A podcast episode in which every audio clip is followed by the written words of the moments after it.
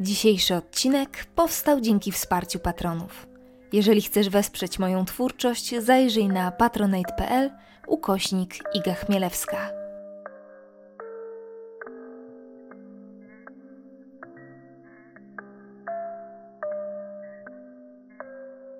Cześć, to 98 odcinek bardzo brzydkiego podcastu, kolejny bardzo straszny i kolejny Wasz dzisiaj nadaje prosto z mojego rodzinnego krasnego stawu, więc ten dźwięk, e, który słyszycie w swoich słuchawkach czy głośnikach, może być nieco inny, między innymi przez przestrzeń, która się nam zmieniła, e, ale również przez to, że zapomniałam wziąć z Krakowa takiej okrągłej siateczki, którą się stawia przed mikrofonem i która służy do tego, żeby tak nie pluć w ten mikrofon, e, bo w momencie, kiedy się mówi te wszystkie py i ty, to wtedy pojawia się taki przy łysym mikrofonie, pojawia się taki nieprzyjemny dźwięk. No i żeby temu zapobiec, w tych warunkach domowych z mamą stworzyłyśmy taką prowizoryczną konstrukcję, która ma to ustrojstwo zastąpić i siedzę teraz przed podkolanówką naciągniętą na metalowy wieszak. Ale chyba działa, więc nie jest do końca takie głupie. Jeszcze tytułem wstępu chciałabym Was bardzo przeprosić za zeszłotygodniową absencję, jeżeli chodzi o te nasze bardzo straszne słuchowiska, mm, ale niestety nie dało się inaczej. Po prostu e, wynik różnych zdarzeń sprawił, że nie miałam jak usiąść w tym celu do mikrofonu i w tym wypadku nie było to do końca zależne ode mnie, więc nawet nie jestem do końca na siebie zła z tego względu. Dobrze, może już wystarczy tych wstępów i przejdziemy do rzeczy, dlatego że dzisiaj czeka na nas kolejna porcja Waszych mrożących krew w żyłach anegdot i powiem Wam, że nie mogę się już doczekać, yy, aż przybliżę Wam te moje świeżutkie wybory. I mówię o świeżutkich wyborach nie bez powodu, dlatego że zwykle bywało tak, kiedy nagrywałam to pasmo bardzo straszne, Waszych bardzo strasznych historii, że czasami musiałam sobie gdzieś sięgnąć trochę wstecz, żeby wygrzebać jeszcze jakiegoś maila, który uz uzupełni mi ten e, repertuar, a tym razem razem w ostatnim czasie w ogóle dostaję od Was dużo, dużo tych nowych maili z Waszymi nowymi, bardzo strasznymi historiami, co mnie niesamowicie cieszy, bo jest dowodem na to, że lubicie tę serię, być może nawet tak bardzo jak ja. No dobrze, to przejdźmy do rzeczy, do pierwszej historii, którą nadesłała Klaudia. Mój dziadek ze strony mamy zmarł 5 lat temu.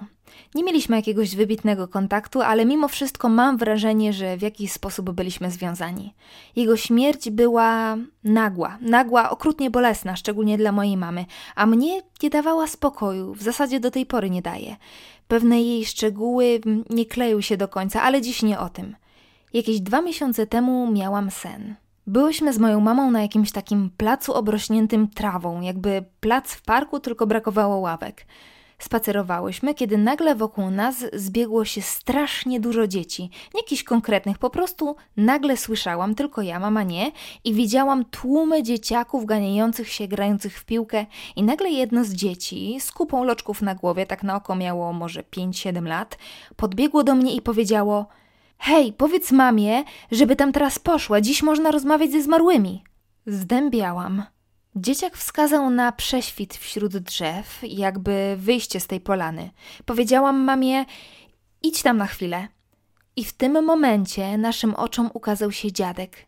Był potwornie zmarnowany, zmęczony, widać było po nim takie fizyczne wykończenie, ale jednocześnie uśmiechał się, był zadowolony, szczęśliwy.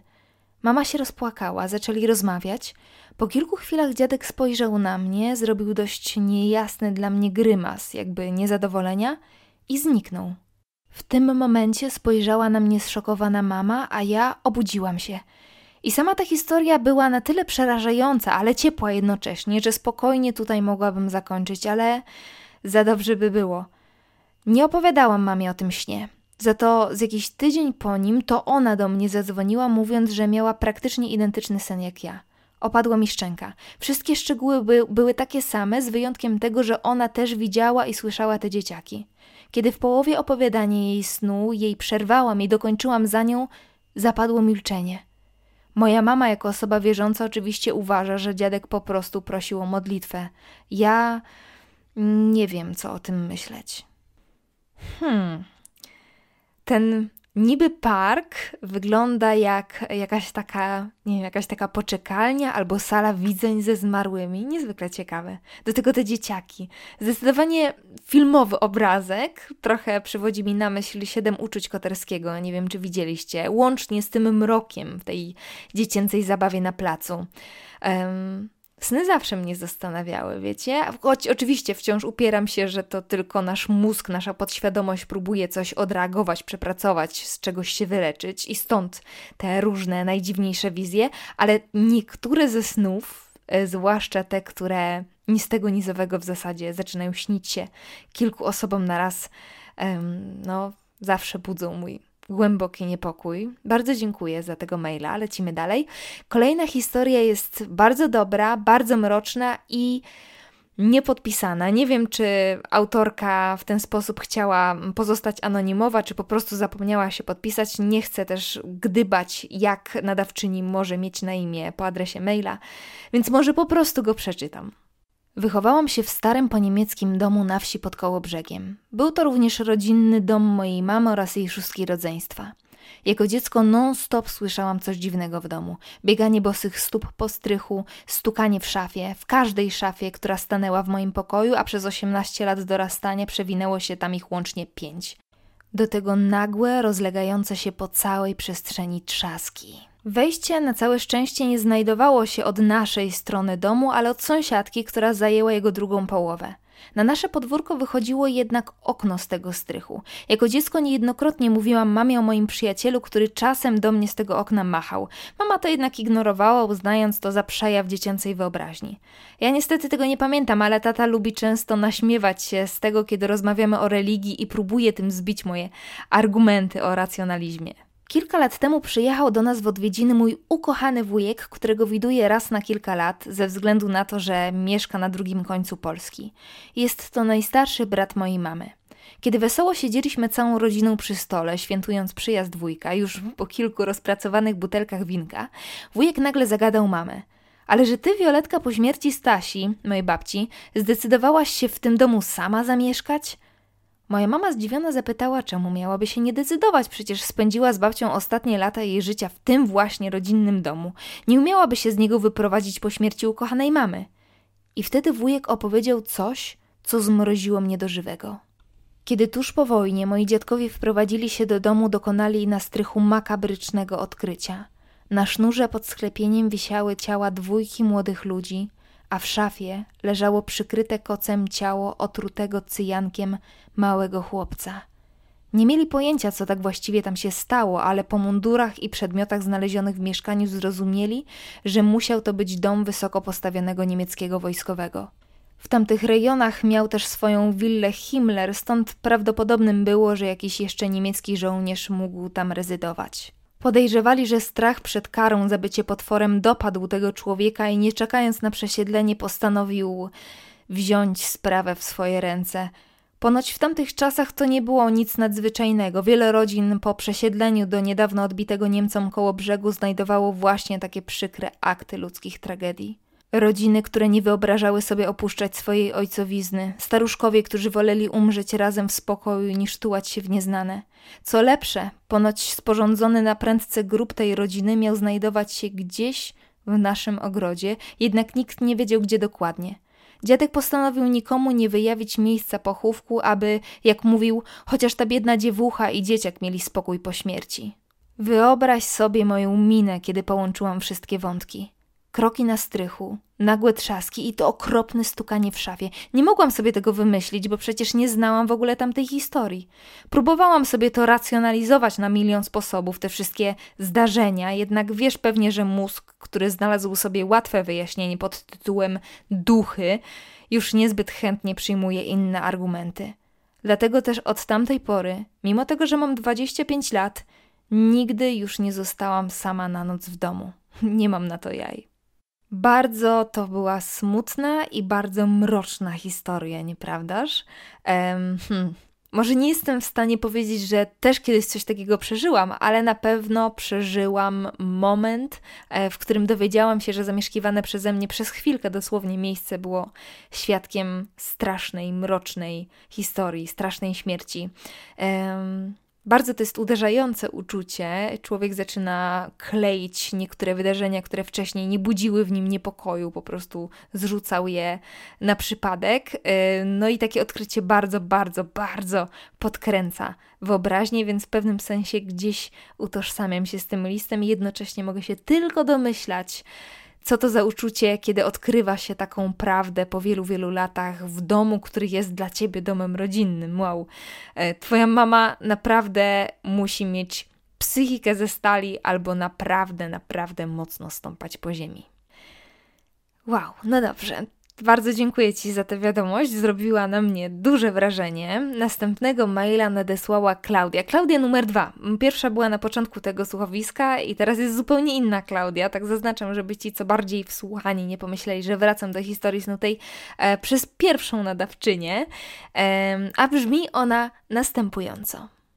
Historia, którą chcę Ci opowiedzieć, nie jest ani pierwszą, ani ostatnią rzeczą paranormalną, która działa się w moim rodzinnym domu, a tak właściwie mieszkaniu. Słowem wstępu, mieszkałam tam z mamą, dwójką jej młodszego rodzeństwa, babcią oraz moim młodszym bratem, który wtedy jeszcze był za młody, żeby rozumieć rzeczy, o których rozmawiamy. Moja mama zawsze uważała się za pewnego rodzaju medium, opowiadając mi codziennie przy porannej kawce historię rodem z horroru, albo bardziej zaklinacza dusz. A to ktoś jej siedział na łóżku, a to ktoś zabierał kołdrę, albo po prostu nad nią stał. Zawsze określała ten byt jako kumulację jakiejś dziwnej energii, jasną plamę bądź taki rozmyty blask, ale nigdy do końca nie przypominający człowieka. Od razu uprzedzę domysły, że był to paraliż senny. Moja mama się tego nie bała i streszczała mi swoje nocne przygody ze stoickim spokojem na twarzy. Dodam, że w jej pokoju na żadnej ścianie nie mógł wisieć zegar, bo po jednym dniu baterie były do wyrzucenia. Owszem, zegar był, bo co to za polski dom bez urządzenia do mierzenia, ile ziemniaki się już gotują albo y, czy nie zaczyna się na wspólnej, ale w formie stojącej na komodzie. Przechodząc do dnia, którego dotyczy ta historia, zacznę od opisu mojej babci. Życie jej nie oszczędzało. Złe wybory co do mężów też nie, co za tym idzie, była bardzo oschłą i małomówną osobą, która nie dość, że nie rozmawiała z nikim w otwarty sposób, to tym bardziej nigdy się nie uzewnętrzniała. Tego poranka babcia, którą zawsze można było zastać przy stole rozwiązującą krzyżówki albo układającą pasjansa, siedziała zamyślona z kubkiem kawy. Ja jako rodzinny śmieszek, wiedząc, że nie lubi smoltoków, ploteczek ani żadnej formy uspołeczniania się, żeby ją wkurzyć, zawsze zaczepiałam ją do rozmowy. Do sedna. Jak co rano mama zrobiła kawę, wyszłyśmy standardowo na papieroska na balkon i zaczęła się jedna z tych historii. Mama opowiedziała, że owej nocy przyszły do niej dwie postaci. Unosiły się nad jej łóżkiem i przyglądały się jej. Z jej opisu jedna była większa, a druga nieco mniejsza. Jednak ja nie wchodziłam nigdy w szczegóły, zbywając te opowiastki i traktując je jako zwykły sen. Od co? Przecież słyszałam je codziennie. Po wejściu z powrotem do mieszkania, widząc, że babcia jest jakaś nie w sosie i próbując błaznowaniem poprawić jej trochę humoru, zapytałam wprost: Co ty babcia taka dziwna dzisiaj jesteś? Jej odpowiedź spowodowała, że zbladłam. Zmieszanym głosem odpowiedziała: Miałam dzisiaj sen. Śniła mi się moja mama i, i twój dziadek. Ja w szoku. Pierwszy raz babcia mówi coś innego niż daj mi spokój albo zobacz, czy cię nie ma w innym pokoju. Mama słysząc to przyszła do nas do kuchni, usiadła na stołku i zaczęłyśmy słuchać dalej. Byli smutni, ubrani na biało. Wszędzie było jasno, tło było rozmyte i, i nie wiedziałam, gdzie jestem – Spojrzałyśmy na siebie z mamą z dziwną nutą porozumienia, mając w głowie to, co jej się przydarzyło tej nocy, po czym babcia dodała: Powiedzieli, że chcą mi zabrać jedno dziecko. I spojrzała na mamę. Potem się już pewnie domyślasz, jak słabo mi się zrobiło i jak spanikowana była moja mama. Oczywiście, żeby nie wystraszyć babci, nie powiedziałyśmy jej o tym, co odwiedziło mamę w sypialni kilka godzin wcześniej. Czy to był zbieg okoliczności, czy faktyczne ostrzeżenie, nie wiem do dziś.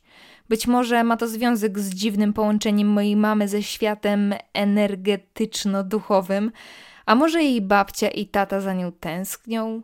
Na szczęście mama ciągle ze mną jest na tym obecnym świecie, tak samo jak reszta jej rodzeństwa. Wiesz co? W całej tej historii chyba najbardziej urzekła mnie postać twojej mamy i te wasze paranne papieroski w towarzystwie opowieści o duchach. I generalnie taki, mm, taki babski dom targany zjawiskami paranormalnymi. Być może nadużywam tego stwierdzenia, ale ta historia również aż prosi się o ekranizację. powiedziałam. Y, no i co? No i dobrze, że mama jest zdrowa i bezpieczna. Raczej nie przypuszczam, żeby duchy bliskich chciały kogoś zabierać. Y, nawet nie przypuszczam, żeby miały taką moc i możliwość. Tak sobie myślę, y, że może. Hmm, że może to, to, to całe zamieszanie było tylko po to, żebyście mogły sobie siąść we trójkę i przypomnieć sobie, jak wam na was wzajemnie zależy, żeby tak przełamać trochę lody. Tak sobie gdybam oczywiście, ale dla mnie miałoby to sens, do tego pozytywny sens. Hmm, bardzo dziękuję za tę historię, była ekstra i teraz przyszedł czas na historię Julii. Trzy lata temu wprowadziłam się z narzeczonym do pewnej podtorujskiej wioseczki. Majówka. Plan taki, że na godzinę 15 jedziemy do rodzinki w Mazowieckim, więc o 13.30 musimy wyjechać, a od 11 do 12.30 zaplanowany jest spacer z naszym szczeniakiem, żeby go przed podróżą wybiegać.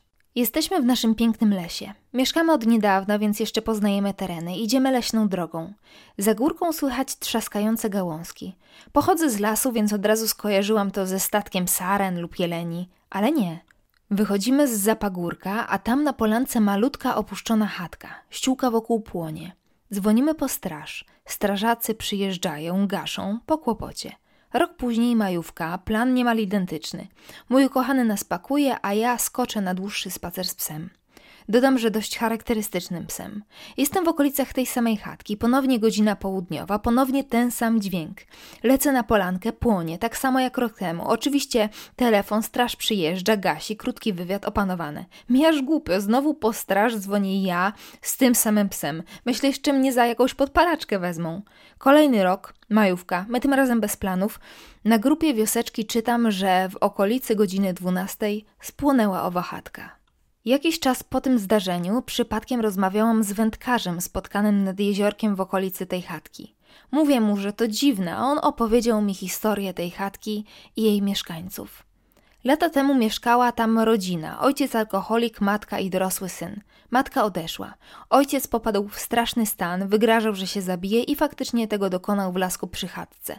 Dokładnie rok później, podczas mocno zapijanej imprezy, gdy było już ciemno, syn postanowił przepłynąć jezioro w pław. Utopił się.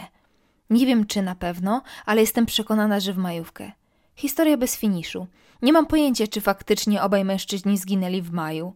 Z jednej strony jestem strasznie ciekawa, czy to prawda i mogłabym podpytać. Z drugiej nie jestem pewna, czy chcę wiedzieć. Powiem wam, że tutaj mam mały problem poznawczy, bo rozumiem, że chałupa paliła się naprawdę, tak? Że te wydarzenia działy się na serio, że ta straż i tak dalej, i tak dalej. Mm, I tak się zastanawiam, to jest oczywiście jakiś tam mój wymyślony scenariusz, e, jeden z wielu zresztą w tym odcinku, ale może ktoś z rodziny na przykład postanowił w taki nieco literacko-petycko-katastroficzny sposób zamknąć pewien rozdział historii i wymazać ten element z pamięci, paląc chałupę e, dokładnie w rocznicę tragicznych wydarzeń. E, nie mam pojęcia. Nieźle oczywiście trzeba byłoby mieć pod kopułą, to na pewno. No ale może, może, tak wiecie, staram się jakoś znaleźć jakiś taki prawie logiczny powód, dla którego można byłoby chcieć e, puścić e, dom z dymem, oczywiście wykluczając wszelkiego rodzaju paranormalne zjawiska, bardzo intrygujące. Szkoda, że nigdy nie dojdziemy do tego, jaką mroczną historię skrywa ta seria wydarzeń. A może to i lepiej. Następną i już ostatnią wiadomość przysyła Gabi. Pierwsza historia, która przyszła mi do głowy i jest warta opowiedzenia, zdarzyła się mojemu tacie. Było to 15, może 17 lat temu w Wigilię.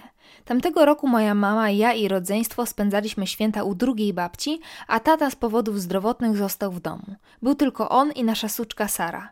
Dom, w którym mieszkaliśmy, został wybudowany jeszcze przed wojną i mieszkali w nim dziadkowie taty, prawdopodobnie też mieszkali tam ich rodzice. Wejście do pokoju rodziców znajdowało się w kuchni, a łóżko stało naprzeciwko drzwi. Jest to ważne dla dalszej części historii. Choć mój tata był wtedy chory, wiemy wszyscy, że to, kogo widział, nie było spowodowane lekami czy złym zdrowiem. Poza nim i wspomnianym psem, który wiernie leżał przy jego łóżku, nie było nikogo więcej w domu. W pewnym momencie tata się przebudził, kiedy wyczuł obecność kogoś jeszcze. Miał zamiar już wstawać z łóżka, kiedy zobaczył przechadzającą się po kuchni kobietę. Kobieta miała na sobie długą, białą sukienkę do ziemi oraz czarne, gęste i rozpuszczone włosy. Jego zaskoczenie musiało być ogromne, bo przecież był sam, ale jeżeli ktoś tutaj był, to dlaczego pies nie reagował? Tata miał idealny widok na kobietę w kuchni, która swobodnie po niej chodziła i zdaje się ignorować obecność mojego taty. Jak zniknęła mu z oczu, postanowił za nią pójść. Wciąż była w kuchni i szła w stronę okna.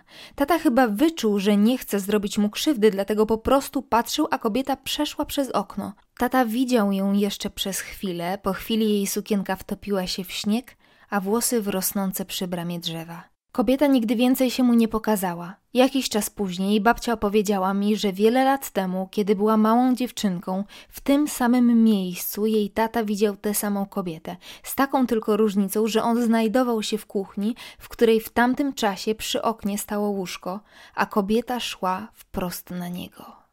Uff. Powiem Wam kompletnie szczerze, że już dawno nic tak nie poruszyło moją wyobraźnią i sprzedam Wam e, taką historię z tego backstage'u mojego podcastowego, że akurat te, bo generalnie robię błędy czytając, mam dysleksję, o której już opowiadałam gdzieś tam i, e, i to nigdy nie jest tak, że za pierwszym razem przeczytam bezbłędnie, więc niektóre historie czytam po kilka razy, e, a tutaj starałam się za wszelką cenę przeczytać ją na jak najmniejszej ilości błędów, błędów i powtórzeń, dlatego że zwyczajnie się bałam. Strasznie to wpływa na moją wyobraźnię i domyślam się, że przez ten nieśmiertelny w horrorach zestaw, czyli biała, długa sukienka i czarne, rozpuszczone włosy, jestem w stanie sobie to bardzo dobrze wyobrazić, bo gdzieś to już widziałam.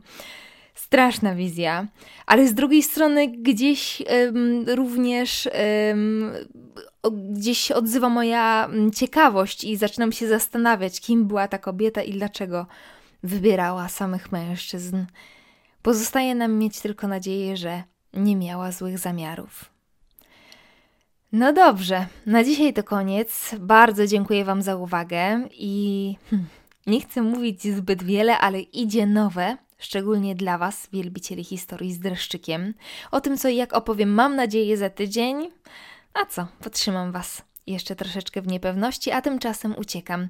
Mam nadzieję, że bawiliście się tak dobrze jak ja i będziecie się bać tak samo jak ja podczas przygotowywania tego materiału. Karaluchy pod poduchy, do usłyszenia, całujemy. Cześć!